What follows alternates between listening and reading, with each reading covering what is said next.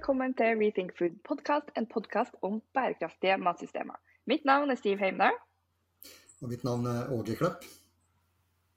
Og denne podkasten er en del av vår Agtech-serie, hvor vi i løpet av fem episoder skal bli kjent med fem Agtech-selskaper. Og denne serien er en del av vårt prosjekt som vi har kalt Agtech ut av skart-gruppa, som er stifta av stiftelsen Norsk teknologiformidling, hvor hele formålet er jo nettopp å få norsk Agtech ut på jordene og i fjøsene, eh, og ikke bare i garasjen. Og I dag skal vi snakke med en veldig spennende fyr. Det er gründer, eier og markedsutvikler i Soilsteam International, Hans Christian Westrum. Hei.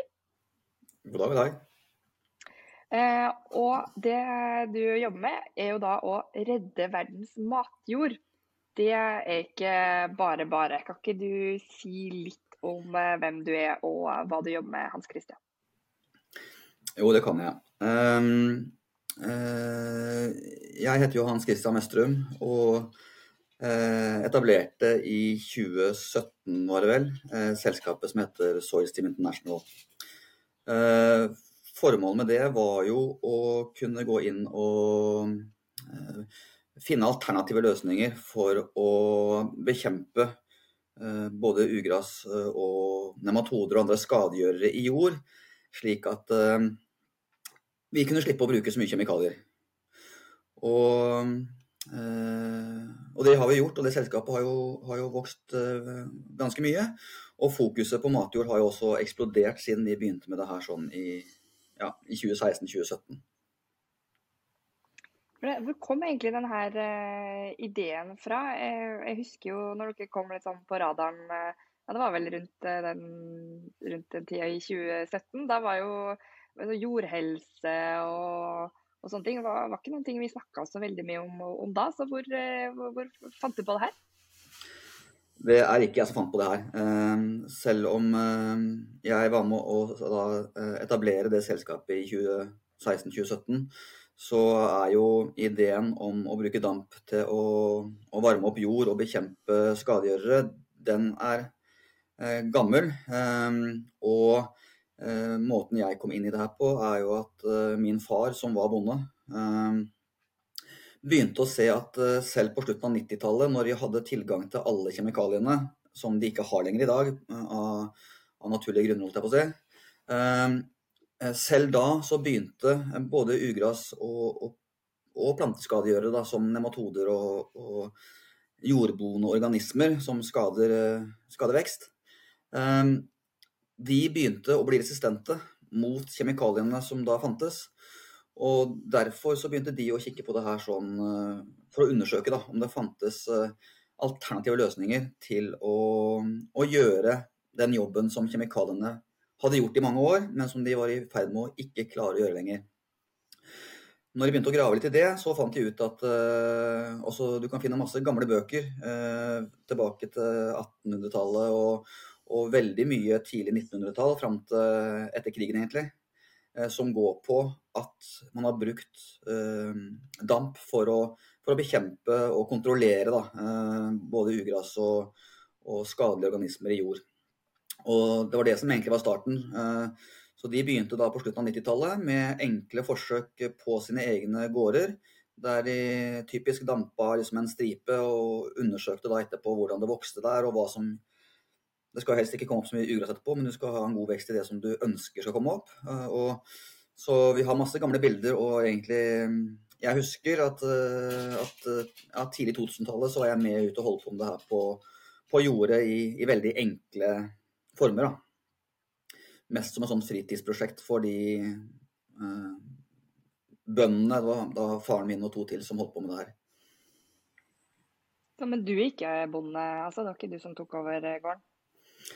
Nei, eh, jeg er jo utdanna økonom. Eh, og sånn sett så Men jeg vil jo si at jeg har, eh, har arva mye av den Altså jeg er oppvokst på den gården og har vært med på veldig mye av det som har skjedd der.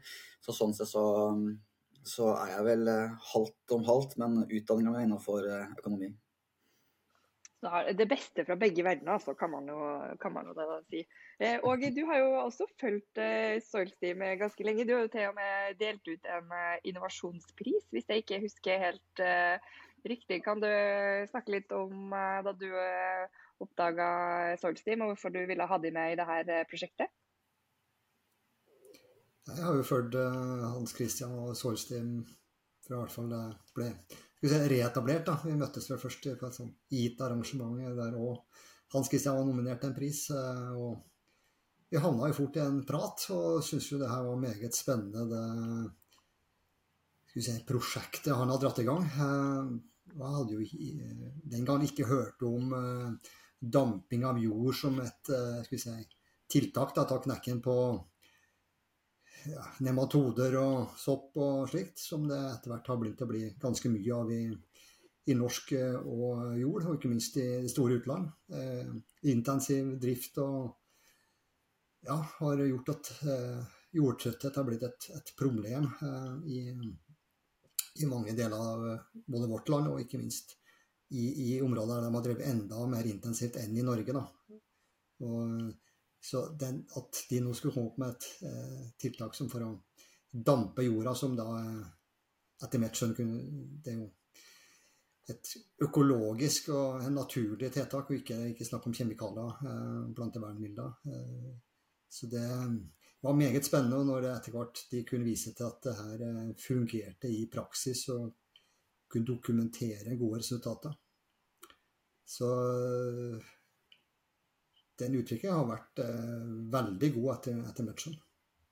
Og at en, en, teknologi og en, eh, noe som etter hvert vil vise at blir enda viktigere, tror jeg, da, for å, å nå bærekraftsmål i, i stort. Um, og det kan vi jo ta litt etter hvert. Men uh, det er eh, ja, meget imponert over den reisa Solstim har gjort. Kan ikke du eh, Hans Christian, fortelle litt om hvordan denne teknologien fungerer? Altså når du sier damp, altså er det så enkelt som at det er vanndamp, eller er det noe mer fancy enn som så? I utgangspunktet så er det jo damp, men men akkurat som eh, jord ikke er jord, eh, så er heller ikke damp damp. Og, så grunnen til at det her er komplisert, er jo at eh, vi har å gjøre med jord, som er komplekst, og vi har å gjøre med, med, med damp, som er komplekst. Så det er veldig mange forskjellige typer av damp.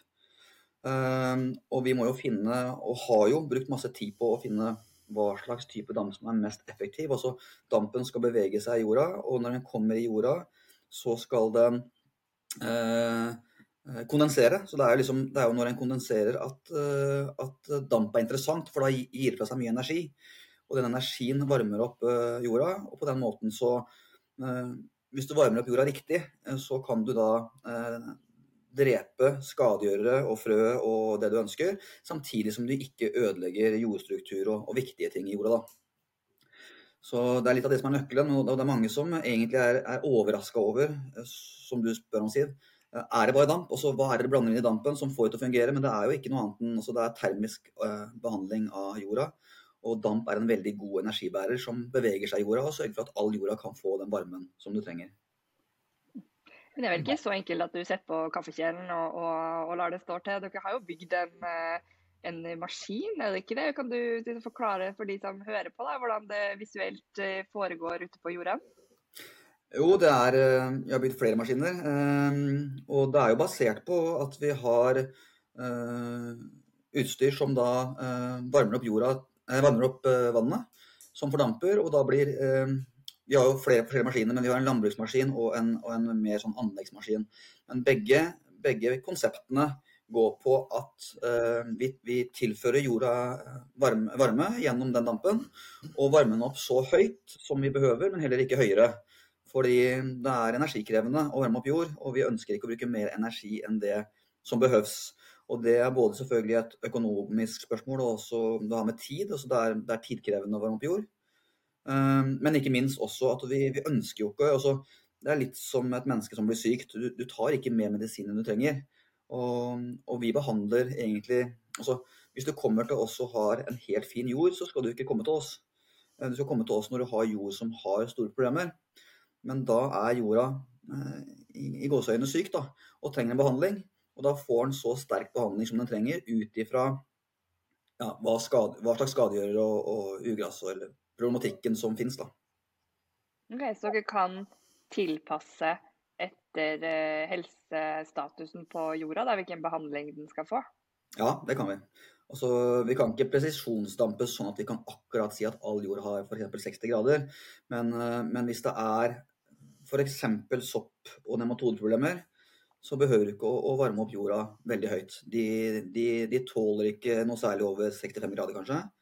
Eh, sånn at eh, da kan du bruke mindre energi og kjøre raskere, holdt jeg på å si, og så mer, mer jord på kortere tid.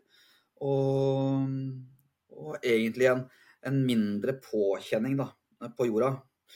For eh, det er jo ikke tvil om, som jeg har sagt, at eh, damp er en påkjenning på jorda, akkurat som kjemikaliene er det. Eh, og alle behandlinger av jorda, på en måte, selv å pløye jorda, er en, er en, er en påkjenning, som vi vet. Og sånn sett så, så, vil vi jo bare påføre så stort jeg si da, trykk som vi behøver. Mm.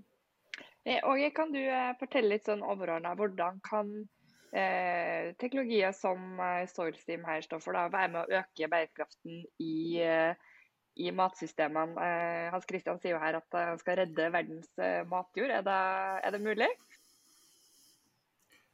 Ja, det er i hvert fall uh, mulig på sikt. Han må vel kanskje bygge noen flere maskiner først, da. Men uh, jeg tenker at det er absolutt noe både vi i Norge, men òg det store utland trenger den type teknologi som Hans Christian står for. Eh, eh, det er jo, eh, det er jo en del som jeg var inne på, at det er en del jord som må ha behandling. Hvis ikke så er det veldig dårlige avlingsvilkår. Det, det, si, det, frømateriale og, og nematoder og sopp og sånt som vi ikke ønsker skal være i jorda, som påvirker vekst på en ikke god måte. Det har tatt overhånd. Eh, og jorda har blitt trøtt og trenger, trenger, behandling. Og da kan jorddamping være en av de. Eh, så jeg er jo sikker på at det her er noe vi, vi trenger. Eh, og det har jo blitt siden Hans Christian begynte med det her, så har jo tematikken blitt løfta veldig. Ikke minst i EU, eh, som har satt seg knalltøffe mål fram både mot 2030 og 2050 med å restaurere jord. Eh, og ikke minst eh, ivareta næringsstoffer i, i, jorda og minske bruken av kjemikalier. Og da er jeg helt sikker på at damp er en av de løsningene vi kommer til å høre mer om. Hvordan eh, står det til Du vet jo at EU eh, e har vært eh, ambisiøs og lagd, eller har lagt ut på høring en egen jordhelselov bl.a. Hvordan er markedet i Norge? da? Har vi problemer med jordhelsa vår? Blir du nedringt av bønder som ønsker at du skal komme og hjelpe dem restaurere jorda deres? Ja, um, det er en enorm interesse, og det henger sammen både med problemene som, eh, som uh, bøndene har, selvfølgelig. Men, og, og, det henger også sammen med regelverket som kommer fra EU og, og, og andre. Uh, som, som, faktisk kommer som resultat av at det står til ganske dårlig med jorda rundt omkring i verden. Jeg tror vel det er lett å bare gjøre noen enkle Google-søk på hvor mye av jorda i, i, i verden, og i hvert fall i Europa, som er av dårlig forfatning. Eh, og da snakker du liksom om jeg lurer på over 50 det. Eh, og det betyr jo at sånn som man dyrker jord i dag, ikke funker fremover. Eh, så jeg tror nok både du må ha en endring i, i måten folk dyrker på, men, men, det hjelper heller ikke bare å endre. Altså liksom, du kan ikke vente 20 år på å ta jorda i bruk igjen fordi du har en metode der som, som, gjør at du ikke kan dyrke. Da må du ha en, en, en måte å, å resette jorda på. Og så må man begynne med en sunn praksis etterpå som gjør at man ikke kommer tilbake i den situasjonen. Men, eh, men, sannheten er at det er store problemer, og det er både knytta til ensidig dyrking eh, og, og, spredning eh, av invaderende arter som sprer seg mye raskere enn enn hva vi har vært klar over tidligere, og som begynner å utgjøre et, et stort, en stor trussel da, mot biodiversitet og sånne ting. Så jeg vil vel si at vi har eh, eh, altså veldig stor pågang, altfor stor pågang i forhold til hva vi kan liksom, eh, svare opp med tanke på det utstyret vi har. Men, eh, men de er tålmodige. Det fins ikke så mange andre måter å gjøre det på. Så vi har jo, vi har jo ikke markedsført Soilsteam noe særlig i det hele tatt. Det har kun vært gjennom egentlig den pressen som har vært i, i Norge og utlandet, egentlig. Og, men på tross av det så har vi henvendelser hver eneste uke på, fra hele verden som går på problemer med jord som de ikke har noen løsning på i dag. Så Forretningsmodellen er ikke å, å, selge sånne maskiner til hver enkelt gårdsbruk. Det er en behandling som de gjør én gang. Så, så, da kommer du med lastebilen og, og gjør en uh, behandling, og så, og så, trenger de ikke å se deg noe mer. Er det det, det som er planen? Ja, der er vi litt i, i tankeboksen, holdt jeg på å si. fordi det som det her handler om, er jo at uh, vi har maskiner, vi har store maskiner som vi har kjørt uh, i så mange år at det er ingen som lenger er i tvil om at behandlinga vår fungerer. Men det er noen problemer med f.eks. knytta til at det er tidkrevende. Slik at uh, hvis det skal være liksom, store maskiner som skal håndtere mange gårder, så blir det ikke så mange. Fordi det tidsvinduet for, en, uh, for bøndene er jo stort sett det samme over uh, ja, i hvert fall hele Nord-Europa. Det er liksom fra snøen og tælma har gått fram til ting må stå i bakken. Så, og før de kommer og begynner å så de tingene de skal så, så må vi ut og behandle jorda da. Så det er veldig tett tidsvindu der som gjør at uh, vi vurderer faktisk uh, å lage maskiner som, kan, uh, som bonden kan ha på, på, gården, og som ikke er dyrere enn at han kan rettferdiggjøre å, å ha en egen maskin. Men, men, de maskinene vi har hatt overfor landbruket til nå, de har vært maskiner som, som vi har liksom operert da, og kjørt. og, og men det er ikke sikkert at det som er den endelige løsningen på den landbruksmaskinen. Så, altså, hvor, eh, hvor liksom i løypa er dere nå? Dere har jo hatt en lang periode med mye eh, testing. og Dere har hatt eh, noen maskiner så dere kan vise til at dere har resultater som, eh, som funker. Men som jeg skjønner på det nå, da, så er kanskje ikke forretningsmodellen sånn 100% spikra. Hvor, hvor, i løypa vil du si at dere, eh, dere er?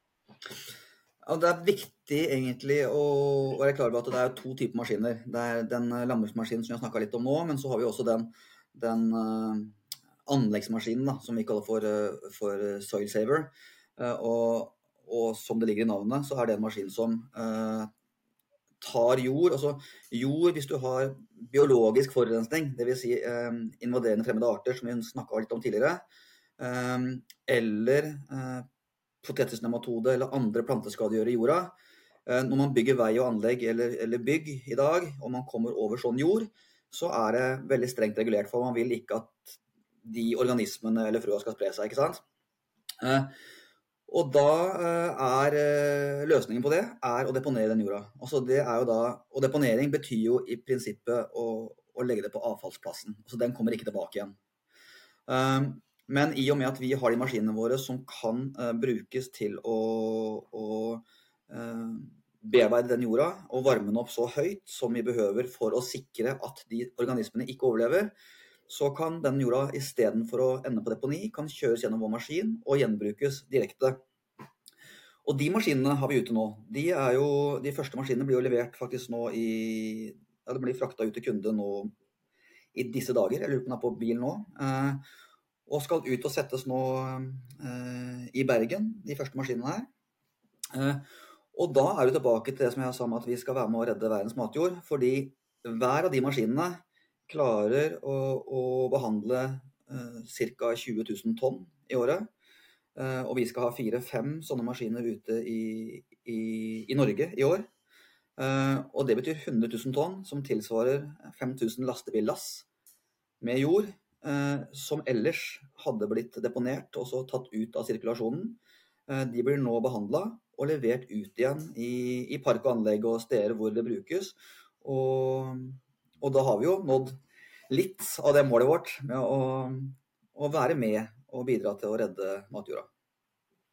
Det må vi snakke litt mer om, fordi matjord er jo ikke en uh, fornybar eh, ressurs. Sånn egentlig. Det tar jo mange mange tusen år å, å produsere matjord. Eh, og det som vi har gjort eh, nå, det er jo at vi bygger veier og kjøpesentre og fotballbaner. Og, og, og, legger jo denne matjorda eh, Altså den forsvinner jo, eh, og dermed forsvinner jo også verdens matareal. Men det du sier her nå, da, Det at vi kan ta vare på den jorda og fortsette å bruke den, istedenfor å kaste den, sånn som vi har gjort det frem til nå. Ja, og så det, det, er jo fortsatt et problem med nedbygging av matjord, selvfølgelig. Det, det, men, men, det er en interessant eh, problemstilling, for vi har liksom ikke tenkt over all jorda som bare altså, Når du prater med folk som ikke eh, er i bransjen, holdt jeg på å si, som ikke er interessert i jord, så tror de at du kan grave deg herfra til Kina, og så er det matjord hele veien. Eh, og det er det ikke. Eh, det matjordlaget er et, tynt lag på liksom 30-50 cm eh, som har høy vekst og kan liksom, man kan dyrke i. Og som du sier, den tar altså, opptil 1000 år å lage ny matjord. Så det er liksom ikke den komposten du lager bak i hagen, det blir ikke helt samme. Og, og, det er klart Den må tas vare på. Uh, og vi vet jo at i Norge så blir det ca. 500 000 tonn av, de, av, den jorda som, kunne, som er matjord som kunne vært brukt å dyrke noe i, blir lagt på deponi i året. Og, og, det har skjedd de siste 30 åra, kanskje. 500 000 tonn er lite i forhold til eh, andre land, så vi er ganske flinke i Norge på det her. Men, men allikevel så er det altfor mye med tanke på at det er eh, en pressa ressurs eh, som eh, ja, 90-95% av all maten vi spiser, kommer fra.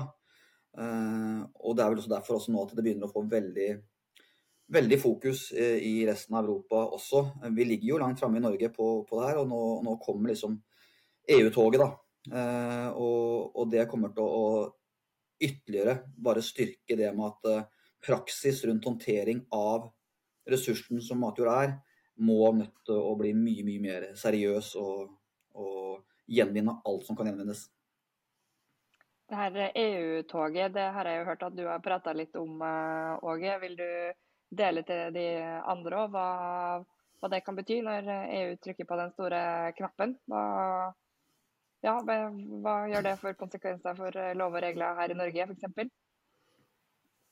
Erfaringa helt kort fortalt er jo at det som eh, skjer i EU, har en tendens til å komme hit. Enten i form av direktiver eller at vi blir inspirert og gjør mye av det samme som EU gjør. Eh, og I dette tilfellet så tror jeg at det er ganske mange parallelle utfordringer EU har, som vi har i Norge. Jeg tror kanskje EU har større utfordringer enn Norge. Eh, Norge er tross alt Særlig det med å gjenvinne natur og biologisk mangfold. Norge har lite jordbruksareal. Eh, så en del andre land må nok òg restaurere jordbruksareal og kanskje tilbakeføre til, til natur for å klare de måla de har satt seg der. Ikke sikkert det er like stort problem i Norge. Eh, men, men det å sørge for eh, at vi klarer å håndtere de klimaendringene som Europa allerede begynner å føle på kroppen, og til viss grad også i Norge. Det gjør at jordhelse blir mye viktigere. For en, en jord som er i god stand, klarer å holde både på vannet eh, og ikke minst filtrere ut vann. Og, og næringstapet blir mindre.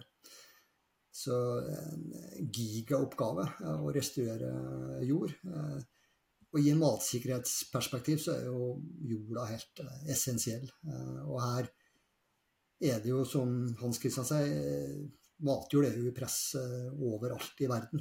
og vi skal helst ikke ta ny matjord pga. At vi skal bevare natur og biologisk mangfold. Så det her kommer ikke til å bli lett, for klimaendringene kommer til å si, gjøre at ørkenene gjerne blir større enn en mindre. En del områder i verden som blir så tørre og varme at det rett og slett ikke blir mulig å dyrke mat der. Så uh, matjord kan fort bli en knapphetsressurs. Uh, så her, her, må vi gjøre alt vi kan for å ta vare på den jorda vi, vi har. Og den soilsaveren uh, vil jo være en nøkkel i, i, i sånn måte. Åge var jo inne på det at vi i Norge er kanskje ikke det landet med mest matjord. Så det er kanskje ikke Norge du ser på som det største potensialet. Det, jeg vet jo at du har testa litt uh, utenlands også. Vil du si litt om uh, den uh, satsinga? Jeg digger jo i navnet. Soilsteam International. Det høres jo veldig international ut. Det er jo åpenbart at vi har jo altså, Vi skal være veldig stolte og veldig glade for at vi har bygget opp et kompetansemiljø både i selskapet vårt, men også sammen med Nibio, på, på det her som har med å behandle jord uten kjemikalier. Og, og, det håper jo og tror jeg kommer til å bli en fordel som vi kommer til å nyte godt av, eh, også internasjonalt, eh, i, i, ganske mange år. Fordi du vet at det er ingen som Vi, vi holder på med, med, utemiljø. Vi holder på med ting som vokser, og vi holder på med, med, med jord og uforutsigbarhet, holdt jeg på å si. Sånn at eh, vi har gjort masse tester. Vi har systematisk drivet og testa ut hvordan damp påvirker både på forskjellige grønnsaker, men også på alle slags skadegjørere. Eh, på forskjellige tider av året. Eh, og, og, mange av de forsøkene har jo blitt ødelagt også, fordi at det har kommet liksom 50 ml regn dagen etterpå, eller, eller, bonden har eh, pløyd for dypt, og et, et, eller annet har skjedd. Så det er veldig komplekst å drive og forske på det her. Det er en del du kan gjøre i liksom, lab og i drivhus, men veldig mye må skje ute i felten. Og det er jo et problem for oss som driver og For vi, vi forsker jo veldig mye på det her. Eh, men samtidig så er det også en, en, kjempefordel at vi har holdt på med det her siden 2017. Da. Eh, så vi har masse data, mye kunnskap og, som vi bygger videre på hele tida. Eh, som ikke automatisk kunne vært produsert i løpet av fire måneder hvis John Deere hadde satt på 1000 ingeniører. Sånn at vi har noe som er ganske unikt i, i hvert fall Europa, kanskje i verden. Og, og, vi har også interesse fra hele verden. Og det ser vi jo, som jeg sa, vi, i og med at vi har den soilsaveren nå ute i markedet, så, så, har vi også begynt å åpne opp for at den skal selges. Den skal kun selges i Norge i år, men for neste år så åpner vi også opp for eksport av den. da. Uh, og da har vi jo uh, nå uh, ja, Senest i dag så har jeg hatt et, et, møte med en australsk ganske langt unna eksportmarked, men, men, som er interessert i maskin for neste år. Og Tilsvarende har du eh, i Irland, England, eh, er jo kjempeproblemer med invaderende arter. Veldig ofte så er det problemer på, i øysamfunn. Så både Australia, eh, England, Irland, Danmark også veldig mange av de her har store problemer fordi at de har veldig knappe ressurser og veldig få steder å ta veien. og ikke De har, de har liksom ikke noen fastlandsforbindelse. Og kjempeproblemer med invaderende arter som har kommet og, og tatt over hele landet, på en måte. Og som må bekjempes. Så så jeg tror nok at, eh, at, mesteparten av vår produksjon kommer til å ligge, eller gå til eh, eksport allerede om eh, kanskje tre år. Mm. Så dere har åpenbart et problem som dere løser, og dere har en teknologi som, som gjør det. Så da er liksom alt greit. Da bare dundrer man ut i markedet, og man lykkes å bli mangemillionær og stikker til Sveits? Eller hvordan det, det, pleier ikke å være så enkelt, nemlig. Det pleier alltid å være uh, noen humper i veien, så jeg antar du også står overfor noen sånne. Vil du snakke litt om det òg? Ja, Det eneste jeg kjente igjen av det du sa, det var humpen i veien. uh, det er fordi at det er klart, eh, det er ikke sånn rett fram. Uh, du må gjøre veldig mye riktig for å komme til et visst, et visst stadie. Og, og, det har vi gjort. Vi har kommet til det stadiet, og vi har jo nå en, en organisasjon med med 15-16 dyktige folk som utvikler det utstyret vi trenger, og, og, har den kompetansen vi trenger for å komme i mål med det her. Men eh, det er selvfølgelig både eh, Det er jo dyrt. Vi driver jo, utvikler, og vi har jo begynt å selge nå, men allikevel så har vi utvikla veldig mange år, så vi har noe å ta igjen. Eh, og kanskje det mest krevende er jo selvfølgelig at vi ligger foran regelverket. Altså, vår teknologi var ikke kjent for fem år siden. Det er derfor regelverket sier at eh, jord med, som innehar disse artene, skal deponeres. Eh, nå har vi dokumentert at vårt utstyr eh, behandler de artene her. Og det er jo en no-brainer for egentlig alle at da er det ingen grunn til at det skal deponeres. Men så er det klart at det her er jo her er politikk, og det er byråkrati. Og det er veldig tungt. Så en eh, kombinasjon av at vi, at vi, må, vi, må, skynde oss for å ta et marked der vi har en ledende posisjon i verden. Samtidig som vi må, må gå parallelt med et byråkrati som ikke er tilpassa den farta. Eh, det er jo et stort problem. Åge, det her er jo ikke akkurat noe nytt det vi hører, at uh, teknologien går foran uh, regelverket. og Det er jo noen ting som vi har sett på i det siste. Hvordan skal vi klare å løse det her? da? At vi har, at vi har et byråkrati som tydeligvis ikke sitter og hører på Rethink Food-podkast? Kan du jo kanskje begynne med, da. Det kan jo være første, første grepet her. Nei da, for men jeg syns jo akkurat når det gjelder Soilsteams eksempel, så er det jo mye å lære til det. Soilsteam etter matchen har jobba veldig systematisk og jobba med eh, offentlige myndigheter. Fått med seg avfallsbransjen, eh, flere med på laget her som ja, kan komme med gode innspill. Da. Det, er bare, det er ikke bare for Soilsteams via Viavel og deres teknologiutvikling, men at det faktisk kan gjøre forskjell.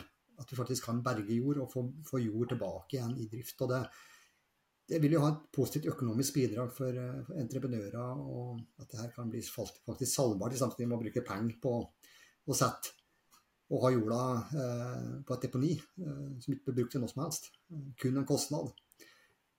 så jeg, jeg syns jo det har vært mer bevegelse for Solsteins del enn en del andre har opplevd. Men det, det oss god og systematisk jobbing. Altså. Og det, det, står ingen klar i verken Miljødirektoratet Miljødirektorat eller Mattilsynet eller uh, regionale myndigheter og sier at nå vil vi gjerne kontakte deg, hvordan kan vi hjelpe deg? Her, må du gjøre jobben sjøl.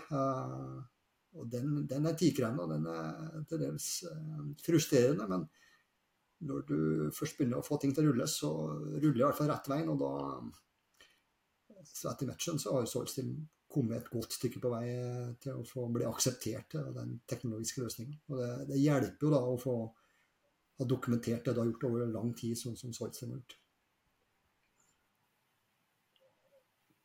Så når forhåpentligvis da de her eh, regelverket blir eh, litt mer eh, oppdatert. Hva er neste skritt på veien? da? Hva er det som skal til for at eh, ja, dere redder all verdens matjord? Jeg syns det var en god, eh, god visjon. Jeg støtter den visjonen. Jeg bare skyter litt inn på det Åge sa der også. fordi det er klart det er jo eh, Jeg tør ikke tenke på den prosessen her sånn hvis ikke vi hadde vært nå 15 mennesker og noen som kunne jobba dedikert mot myndighetene. Hadde det her vært Skulle jeg begynt på den jobben her sånn når jeg traff dere første gangen, så tror jeg jeg hadde mista motet. Sånn at eh, nå, nå, nå, kjenner jo Dere sitter jo litt i kulissene hos oss også eh, og er med og bidrar til å, å, spre budskapet vårt også inn mot myndigheter. Og det er jo kjempeviktig, det også. Eh, eh, så eh, prosessen går sin gang. Har du gjort, har gjort jobben din, så kommer du et sted videre. Men det er veldig bra å kunne ha noen sitter midt imellom her, sånn også, som du kan spare med, og, og, som har sitt nettverk både mot private og det offentlige. Uh, nå har vi også begynt jobben mot EU, for vi skjønner jo at den jobben er heller ikke uh, gjort over natta. Uh, og, og, de er jo nå i ferd med å utforme sin jordlov. Sånn at, og de sitter jo med akkurat samme kunnskapen som norske myndigheter har gjort de siste 30 åra. De vet ikke at vår teknologi finnes der. Ehm, så det første som må skje, er at de må eh, vite at den eh, teknologien fins. Og deretter så må de da liksom ha tillit til at den er god nok til at de kan tilpasse et regelverk til den. Så det er jo et langt løp. Ehm, men, men eh, jeg er ganske sikker på at når vi nå får fotfeste i, i deler av i Norge først, og vi jobber jo mot Sverige også, og begynner å få de første praktiske erfaringene derfra, så, så, tror jeg at regelverket også kommer til å tilpasse seg. Det må gå i parallelt her.